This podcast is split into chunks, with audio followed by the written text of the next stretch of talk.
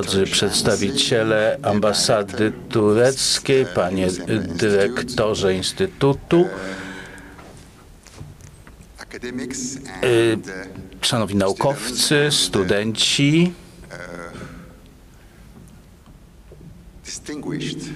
i szanowni państwo. Opowiem Państwu, jak Państwo tu zresztą widzą, mm, powiem o implozji, zapadnięciu się Imperium Otomańskiego, Osmańskiego. Co mam na myśli mówiąc o implozji, stosując to słowo, może niech to wyjaśnię. Otóż nie chodzi tu o historię polityczną, wojenną, wojskową czy dyplomatyczną. Chodzi tu o kwestie natury gospodarczej, ekonomicznej i społecznej związane z I wojną światową. Dlatego nie stosuję tutaj, nie mówię o dekadencji czy upadku, nie mówię o tylko implozji, czyli mm, zapadnięciu się a więc chodzi tu o pewne mechanizmy wewnętrzne, które zawiodły. Innymi słowy, Pax Otomanika zakończyła się w wyniku I wojny światowej. Jak wszyscy Państwo wiedzą, pierwsza wojna to koniec długiego, wydłużonego wieku XIX.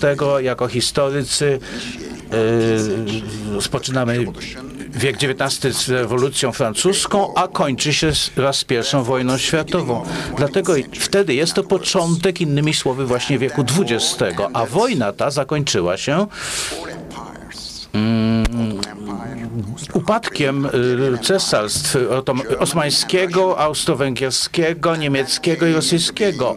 Następnie powstały państwa narodowe, jak wszyscy wiemy, włącznie z polskim państwem narodowym, ale turecka Wielka Wojna nie zakończyła się w roku 1918. Innymi słowy, Turcy mieli dłuższą wojnę, mm, cofając się nawet do wojen bałkańskich y, w latach 1912-13, a kończymy na własnej wojnie wyzwoleńczej. On jest traktat Parys, pokojowy z Paryżu.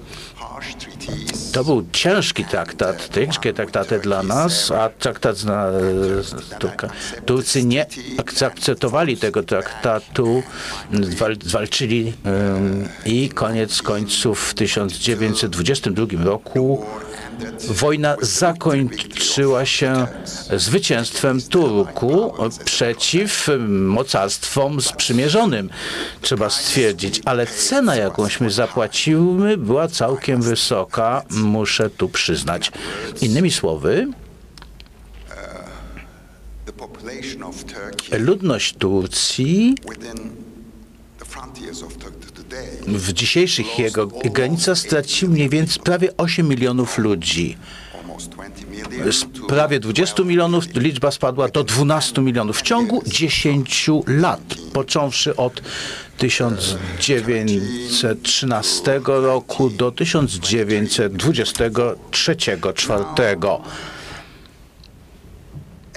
I tutaj Moim zamiarem jest opowiedzenie Państwu o Wielkiej Wojnie,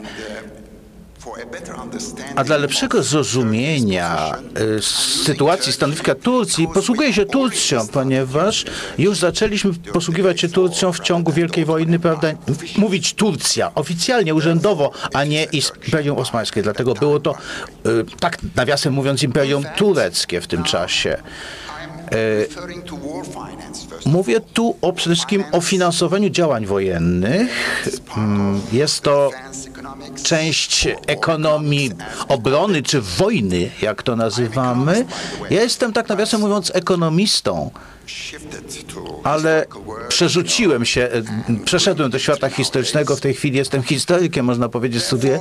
Dlatego też Wielka Wojna nie był to tylko konflikt wojskowy, ale zarazem była to wojna ekonomiczna, była to wojna totalna, nigdy do tego czasu nie e, widziana, która wpłynęła nie tylko na Francję źle, ale także w ogóle na lud, lud, ludy, lud, e, ludność różnych innych krajów, oprócz Francji. A więc mobilizacja finansowana odgrywała ważną, zasadniczą rolę e, w czasie I wojny światowej. I tutaj przede wszystkim skupię się na tej wojnie finansowej y, w szerokim mm, słowa tego znaczeniu. Z jednej strony mamy y, aliantów, y, państwa centralne.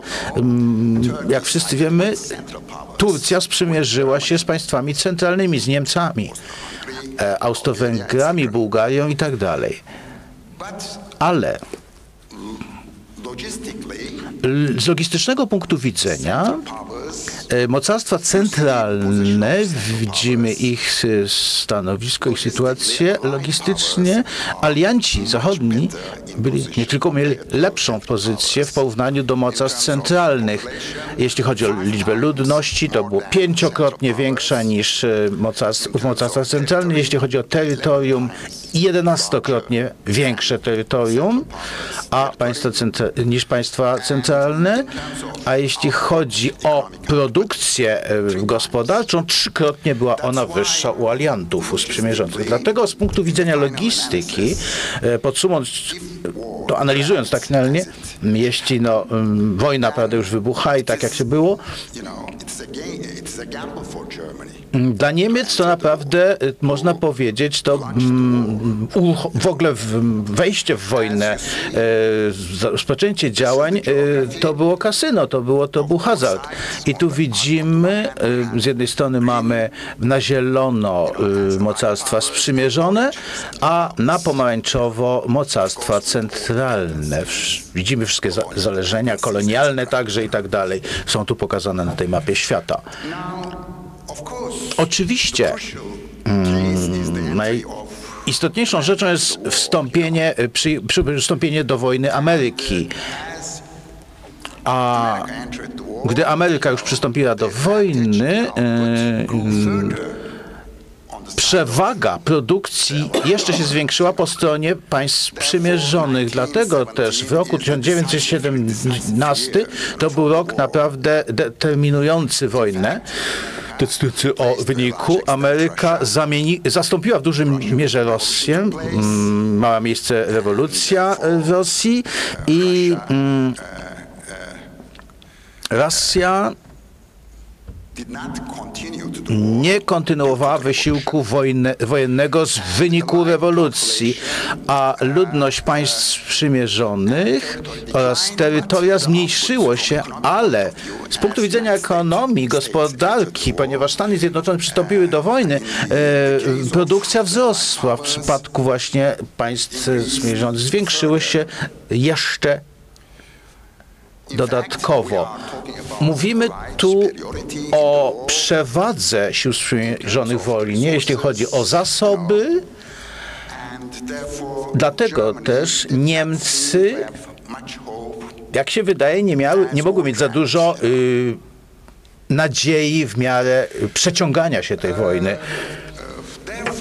Dlatego też dla Niemiec y, Atak strategiczny miał zasadnicze znaczenie z wykorzystaniem e, zaskoczenia na Zachodzie. Tym ataku oczywiście wojskowego punktu widzenia Niemcy mieli bardzo dobre siły zbrojne, do, dobrej jakości w tym czasie. Dlatego też Niemcy stanęły w obliczu sześciu uważały, że sześć tygodni potrzebne jest dla odniesienia zwycięstwa. Pod koniec sześciu tygodni armia niemiecka podbije nie tylko e, część zachodnią Europy, ale także Rosję. Jednakże szanse zwycięstwa w dłuższym czasie spadały w wyniku z właśnie powodów natury logistycznej.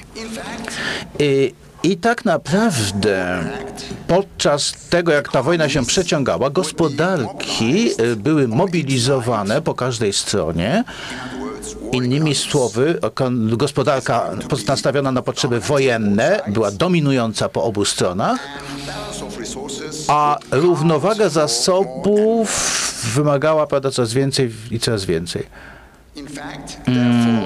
Dlatego też e, los e, mocarstw centralnych został już przypieczętowany w dużej mierze, a to szczególnie po przystąpieniu Stanów Zjednoczonych w roku 1917 do tej wojny. W międzyczasie zaś, jeśli chodzi o wyniki gospodarcze w ciągu lat wo wojny, y, mocarstwa y, przymierzone o wiele lepiej sobie radziły niż mocarstwa centralne. W międzyczasie by, byty, gospodarki brytyjska i, amerykańska wzrosły te gospodarki o ponad 10%. Jeśli chodzi o Włochy, Gospodarka no, działa dalej, nie upadła, ale e, Rosja, jak jużśmy powiedzieli, w wyniku rewolucji zapadła się, upadła, tak jak naprawdę Francja w roku 1917. I Jeśli, zaś chodzi o Niemcy i Austro-Węgry, to sytuacja e, gospodarcza pogorszała się, jeśli chodzi o PKB oraz wydajność, produktywność. Tutaj mamy czas wojny, zmiany e, w PKB e, od roku 1914 14 do 18. Przepraszam. Jak Państwo widzą, w Wielkiej Brytanii i USA PKB wzrosło całkiem nieźle w porównaniu z Niemcami czy Austrią. Mamy e, tutaj Francję. Tak wyglądała sytuacja. Jeśli chodzi o Turcję, e, Imperium Osmańskie, nie mamy szczegółowych danych, ale na podstawie danych statystycznych e, wydedukowaliśmy, że PKB osmańskie spadły o 30 do 40% w ciągu lat wojny. E, Nawiasem mówiąc, w ciągu tych lat mm, powstawał nowy model ekonomiczny, e, regulacja, przepisy. E, Rok wiek XIX, przepraszam, dominowała deregulacja w świecie kapitalistycznym, ale od początku wojny prawie wszystkie kraje e, biorące udział w wojnie, strony konfliktu, zaczęły działać tak, że państwo zaczęło wpływać na sytuację gospodarczą, sprawy gospodarcze. Innymi słowy, polityka i ekonomia zaczęły się nakładać na siebie w ciągu lat wojny. A zasoby zostały przesuwane od z produkcji na cele cywilne na cele wojenne. Produkcja na cele wojenne. Innymi słowy, e, siła nabywcza ludności musiała być ściśnięta, zmniejszona, żeby dostarczyć sprzętu wojennego, wszelkiego rodzaju amunicji itd. itd. Dlatego też z jednej kieszeni do drugiej, można powiedzieć, zostało to przełożone. E, Plan zaczęło się e, też w tym czasie e, planowanie centralne, e, gdy państwo zaczęło wchodzić, mieszać się w sprawy gospodarcze, a więc nowy wiek, zaczął wiek regulacji, który trwał aż do układu um- umowy z Bretton Woods w roku 1944. Wtedy ponownie nastąpiła deregulacja i nowy model gospodarczy po tym, gdy m- modelu Johna Maynarda Keynesa, a więc s- państwo socjalne, e, dobrobyt, te wspaniałe lata 30., jak nazywamy, do po połowy lat 1970. aż to trwało. Tutaj mamy e, na, mieszanie się państwa, interwencja państwowa, przepisy, regulacje, udział wydatków rządowych w dochodzie narodowym, krajowym wzrósł z 8% w Wielkiej Brytanii na przykład do aż 37% PKB. Jeśli chodzi o dochody w Stanach Zjednoczonych, gdy weszły, w, dołączyły do wojny, wzrosło to z 2% do 17%. W Niemczech z 10% do 59%, a we Francji z 10 do 54%. I Jak Państwo widzą, państwo stało się wszechmocne, wszechobecne od tego czasu i ma pod kontrolą y, całą ekonomię, te wszystkie właśnie, że tak powiem, najważniejsze rzeczy w gospodarce. Jak można sfinansować działania wojenne? To wielki problem.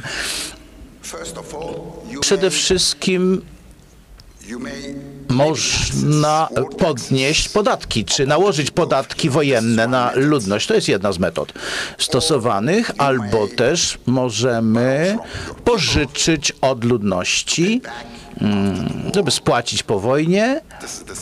To jest druga opcja czy możliwość. A trzecia z kolei, jak widzimy, można pożyczyć od banków centralnych, innymi słowy, czyli po prostu chodzi o drukowanie pieniędzy. A więc metoda inflacyjna tak naprawdę.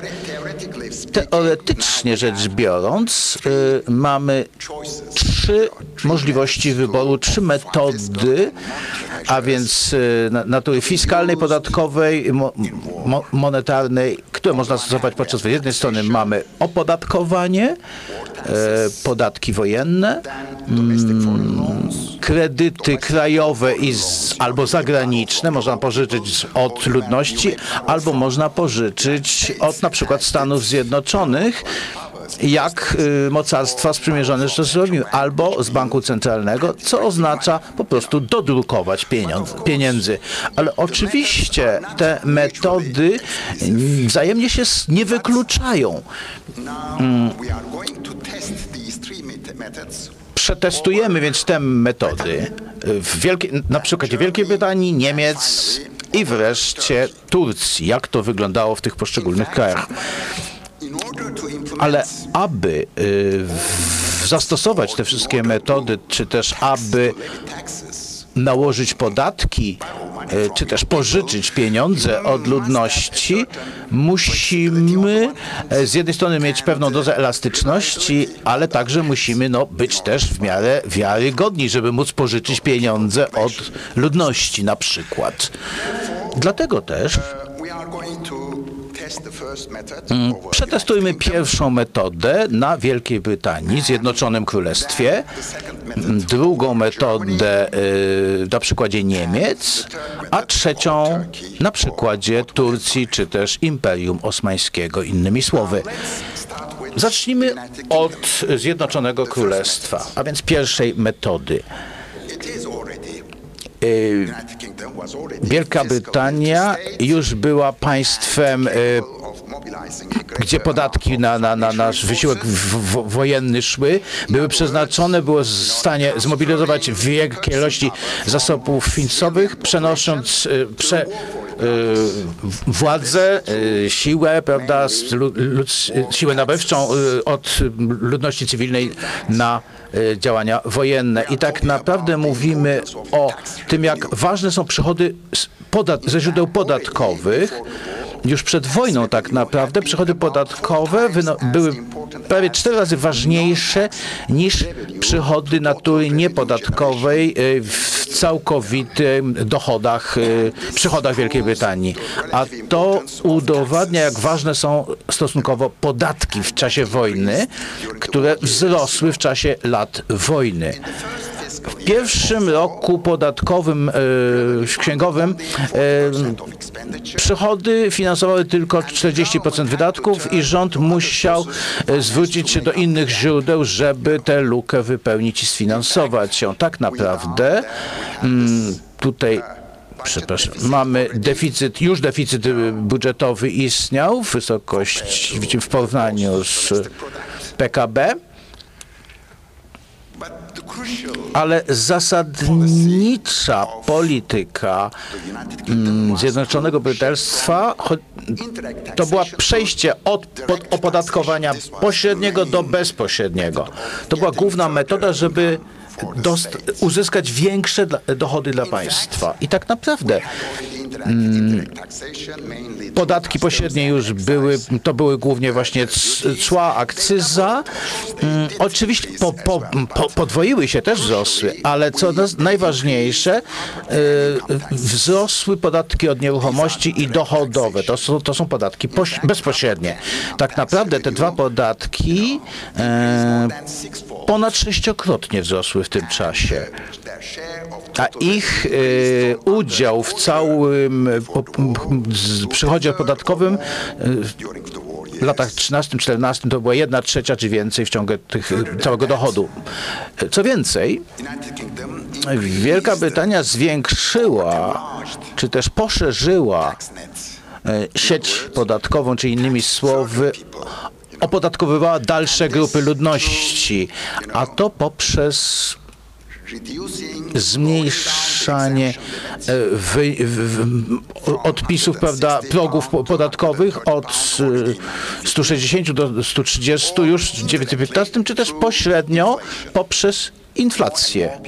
Coraz więcej ludzie byli więc opodatkowywani w Wielkiej Brytanii.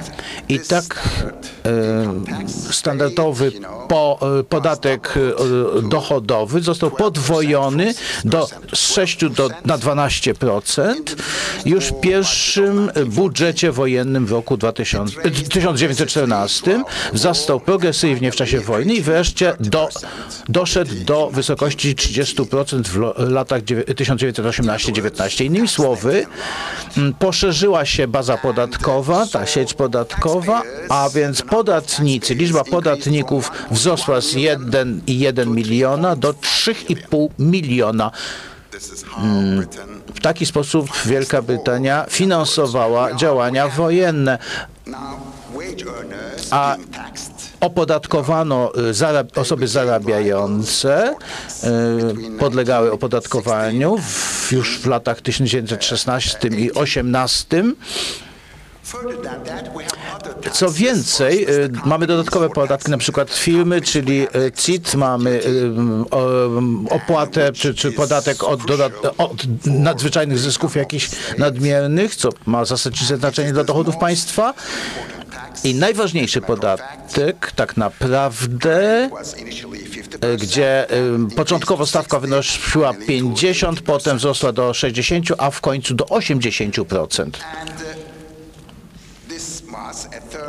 E, To była jedna trzecia całkowitych przychodów państwa, tak nawiasem mówiąc.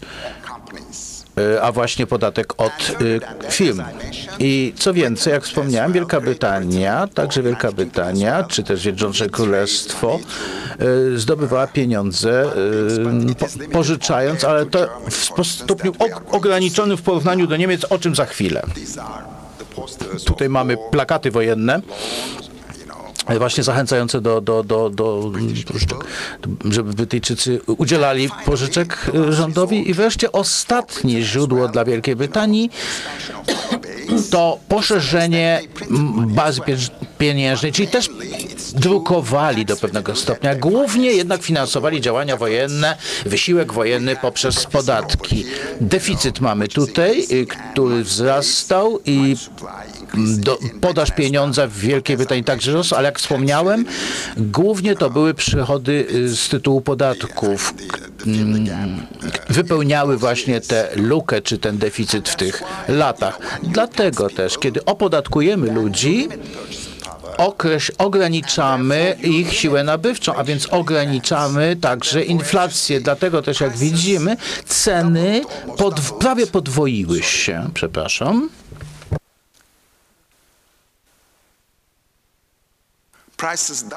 Ceny podwoiły się prawie od 100 do 199.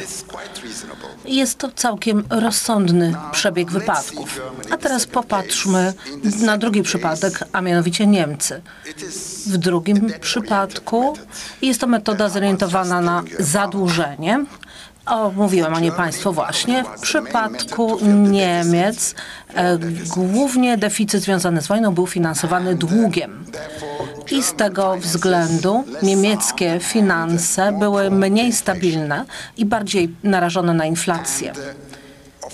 I oczywiście dług rządowy wzrastał, a równocześnie Niemcy tłumiły inflację i to zostawiało bardzo duże obciążenie na lata powojenne. I widzieliśmy w Niemczech hiperinflację w roku 1923.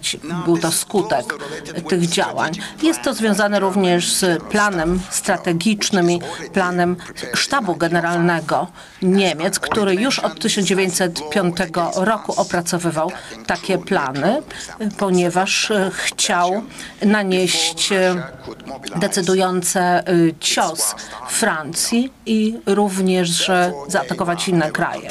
Więc rozważano w ciągu kilku tygodni osiągnięcie zwycięstwa, ale tak jak wspomniałem, nie udał się ten plan i zgodnie z szacunkami wojna, wojna miała się zakończyć w ciągu paru tygodni, co się nie udało. Okazało się, że jest to pewien hazard, pewien plan taki ryzykowny. W związku z tym Niemcy nie miały innego wyboru, po prostu musiały wyemitować obligacje, żeby zwiększyć podaż pieniądza. I sądziły, że w ciągu krótkiego okresu po prostu pożyczą pewną określoną kwotę od ludności i będą w stanie spłacić te pieniądze kosztem reparacji wojennych, które miały uzyskać od krajów pokonanych. Ale tak jak powiedziałem, był to coś w, coś w rodzaju zakładu, czy pójścia na pewne ryzyko i później iluzja ta znalazła swój koniec, roztrzaskała się, siły francuskie i brytyjskie pod Marną zatrzymały Niemcy w, we wrześniu 19, 1914 roku, ale dziwne jest to, że Niemcy już we wrześniu 14 roku przegrały wojnę, ale mimo wszystko Turcy, czyli Imperium Osmańskie, weszło do wojny w listopadzie tego roku. Turcja nie była zbyt długo, dalekowzroczna w tym czasie, ponieważ nie zdawała sobie sprawy, że Niemcy już niejako przegrały wojnę. I wojna ciągnęła się i oczywiście w związku z tym powstawały coraz wyższe koszty z tym związane i podatki okazały się niedostateczne żeby finansować działania wojenne. Zwykły budżet budowany ze sprawą podatków stanowił zaledwie 13% procent wszystkich wydatków w okresie od kwietnia 14 do marca 19 roku, więc okazało się, że budżet nadzwyczajny wyniósł 87% i obligacje wojenne zostały regularnie wprowadzane na rynek w tym okresie i teraz podam przykład. Niemal prawie wszyscy Niemcy pożyczali swoje pieniądze państwu niemieckiemu. A, tu przepraszam. Tak naprawdę to była ta strategia krótkiej wojny, błyskawicznego zwycięstwa. Tak.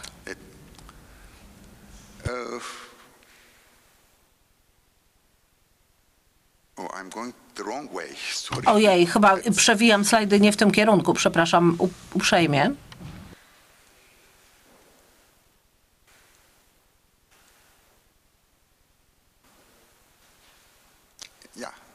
Tak, tak. To był koniec tej iluzji o szybkim zwycięstwie. Tak, już na tym slajdzie byliśmy. Słaba y, baza do opodatkowania, podstawa opodatkowania w Niemczech, która spowodowała, że Niemcy musieli emitować obligacje wojenne i pierwszy kredyt we wrześniu 14 roku i niemal co, co roku dwa kolejne kredyty w marcu, we wrześniu i ostatni we wrześniu 18 roku.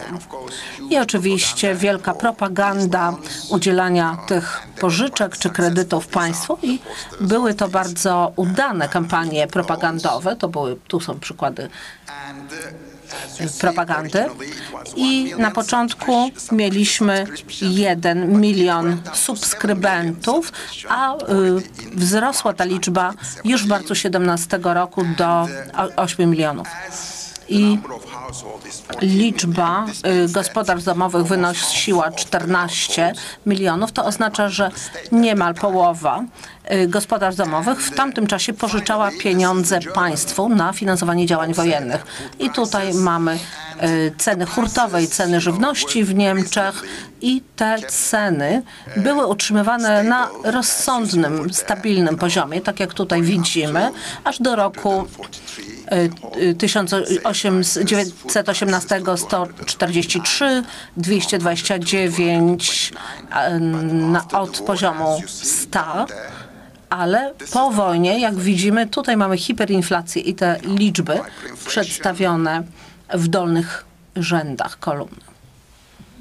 Hiperinflacja i również zadłużenie państwowe od 5 miliardów w 2014 roku i hiperinflacja 156 miliardów, e, czyli oszczędności klasy średniej w Niemczech wyparowały i to mianowicie sprzyjało wyniesieniu do władzy Hitlera, czyli zniknięcie oszczędności klasy średniej. Mamy tutaj tę, ten wykres, który pokazuje, jak rozwijała się hiperinflacja czyli mamy y, jedna marka dawała jednego dolara, a po, hiper, po, po hiperinflacji 4 tryliony marek to był jeden dolar. Więc ostatni przykład Turcja. Turcja to jest niestety najbardziej niefortunna i niebezpieczna metoda finansowania działań wojennych. Turcja nie miała wyboru. Nie mogła jeszcze bardziej opodatkować swojej ludności i nie miała żadnych możliwości, żeby pożyczyć pieniądze od swojej ludności. Nie mogła na to liczyć. Tym samym Turcja przeszła na pieniądze papierowe w 15 roku. Wcześniej w Imperium Osmańskim w obiegu były me monety, metale szlachetne.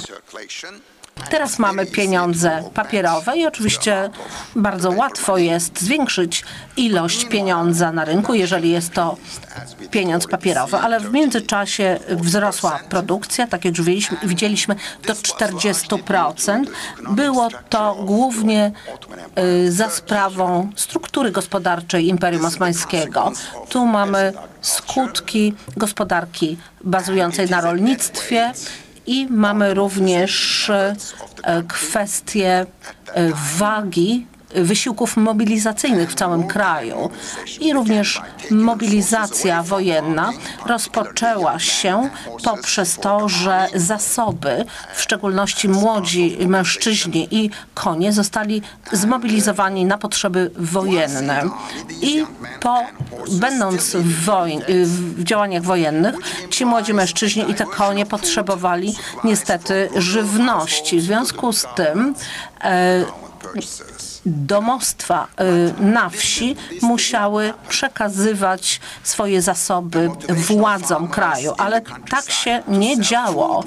Mm, w szczególności w czasie wojny motywacja rolników, aby sprzedawać e, swoje e, płody rolne była bardzo słaba. Były to często gospodarstwa prowadzące w zasadzie e, gospodarkę na własne potrzeby i sprzedawały bardzo niewiele i po prostu sprzedawali tylko w takim zakresie swoje płody rolne, żeby kupić sobie wyroby tekstylne czy wyroby metalowe na własne potrzeby.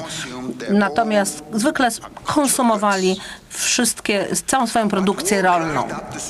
Ale wojna wyniszczyła zasoby tych wszystkich produktów produkowanych przemysłowo, ponieważ cała siła przeszła, cała energia na produkcję na potrzeby wojenne. I nie było y, żadnych towarów, które można byłoby przeznaczyć na rynek rolny. I w związku z tym rolnicy nie mieli czego kupić i woleli skonsumować swoją produkcję rolną, niżeli sprzedać ją y, z małym zyskiem. I okazało się, że zasoby żywności są skąpe i w związku z tym wzrosły ceny żywności. I wtedy wkroczyły władze państwowe, starając się utrzymać ceny w miejscu i kontrolować je. Ale niestety zarówno konsumpcja, jak i produkcja przemysłowa nadal spadały. Cała gospodarka zaczęła y, być rozregulowana. I ponieważ wszystkie wysiłki były kierowane na potrzeby produkcji na front. I tak naprawdę w związku z nierównościami w dystrybucji e, żywności okazało się, że są, pojawiają się spekulanci, e, nieuczciwi urzędnicy e, państwowi, pojawiała się racjo, racjonowanie żywności w, w efekcie. Mamy tutaj wielki deficyt budżetowy w całym państwie. Widzą Państwo te liczby możemy porównać dochody w pierwszej kolumnie z lewej, po środku wydatki i deficyt y, na końcu. I wszystko to trzeba było spłacać tymi pieniędzmi papierowymi.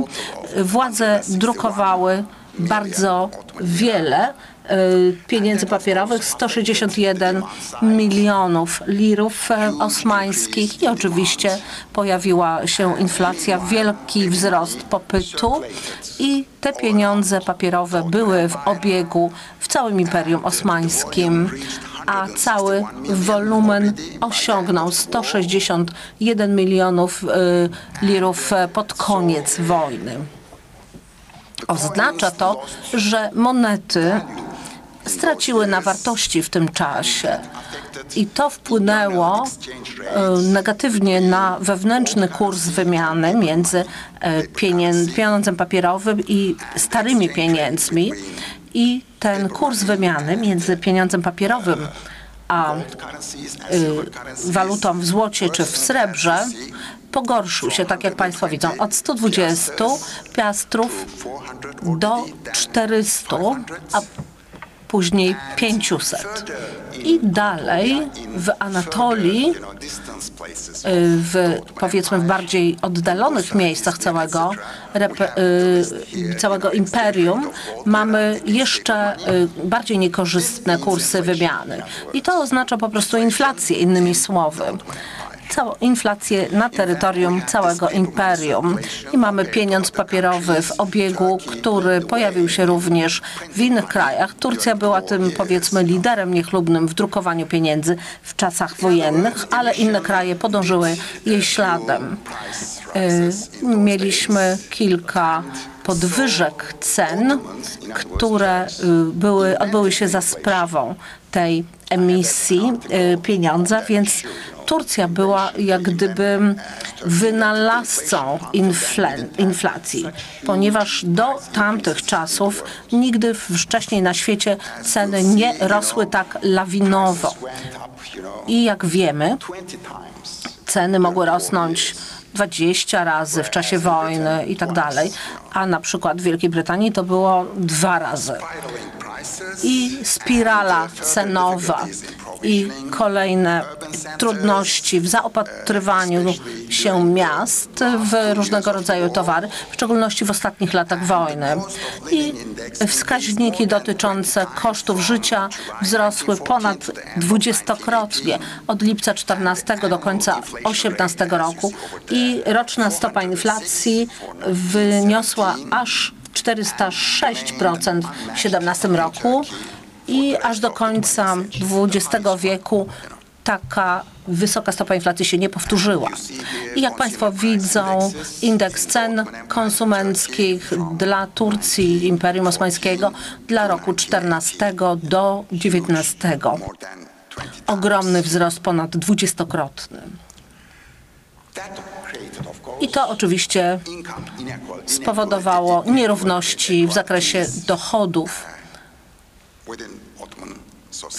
w całym społeczeństwie imperium mieliśmy tych, którzy coś mieli i tych, którzy byli biedni.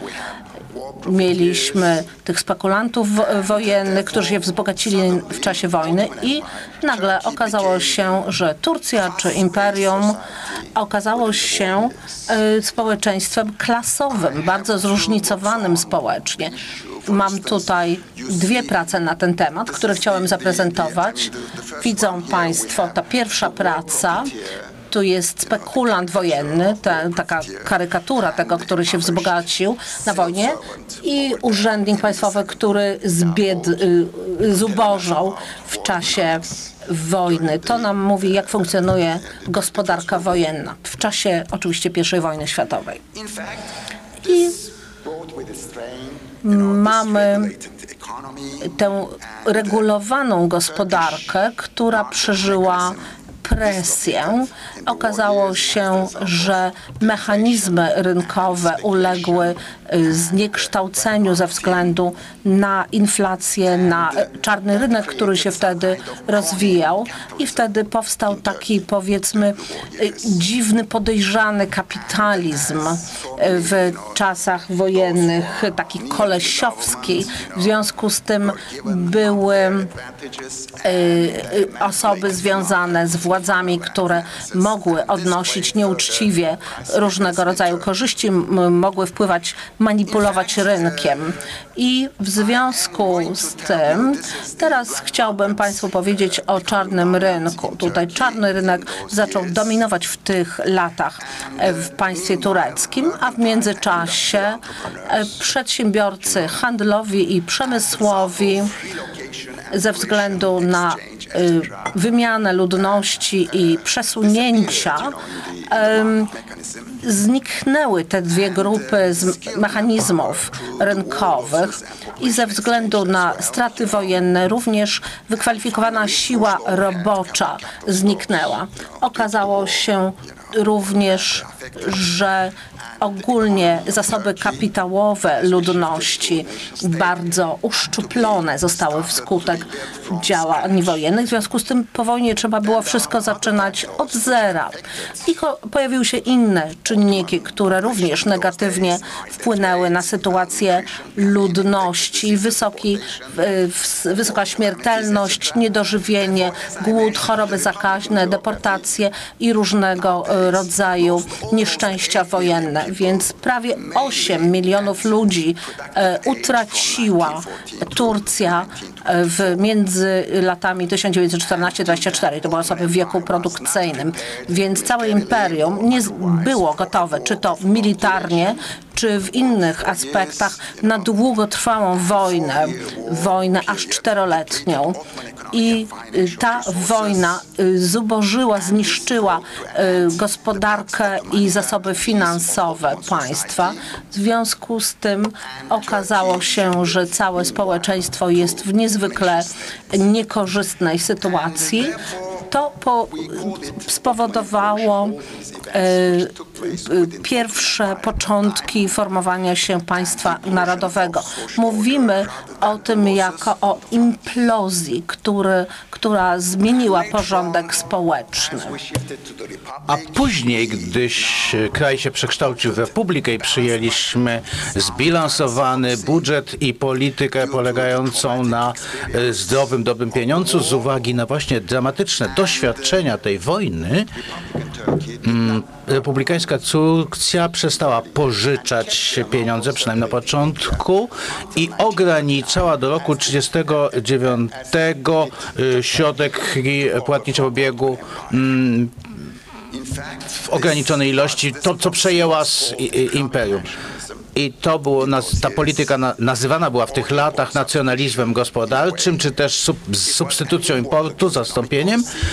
Była to polityka gospodarcza y, skupiona na, wewnątrz jakby, chodziło o zbilansowany, zrównoważony budżet oraz dobry pieniądz. Turcja stworzyła własną gospodarkę autarkiczną, która trwała aż do roku, do II wojny. Y, Dominował pro, protekcjonizm, zasadą była regulacja i etatyzm mm, gospodarczy, który wprowadzono poprzez planowanie początku, od początku lat 30.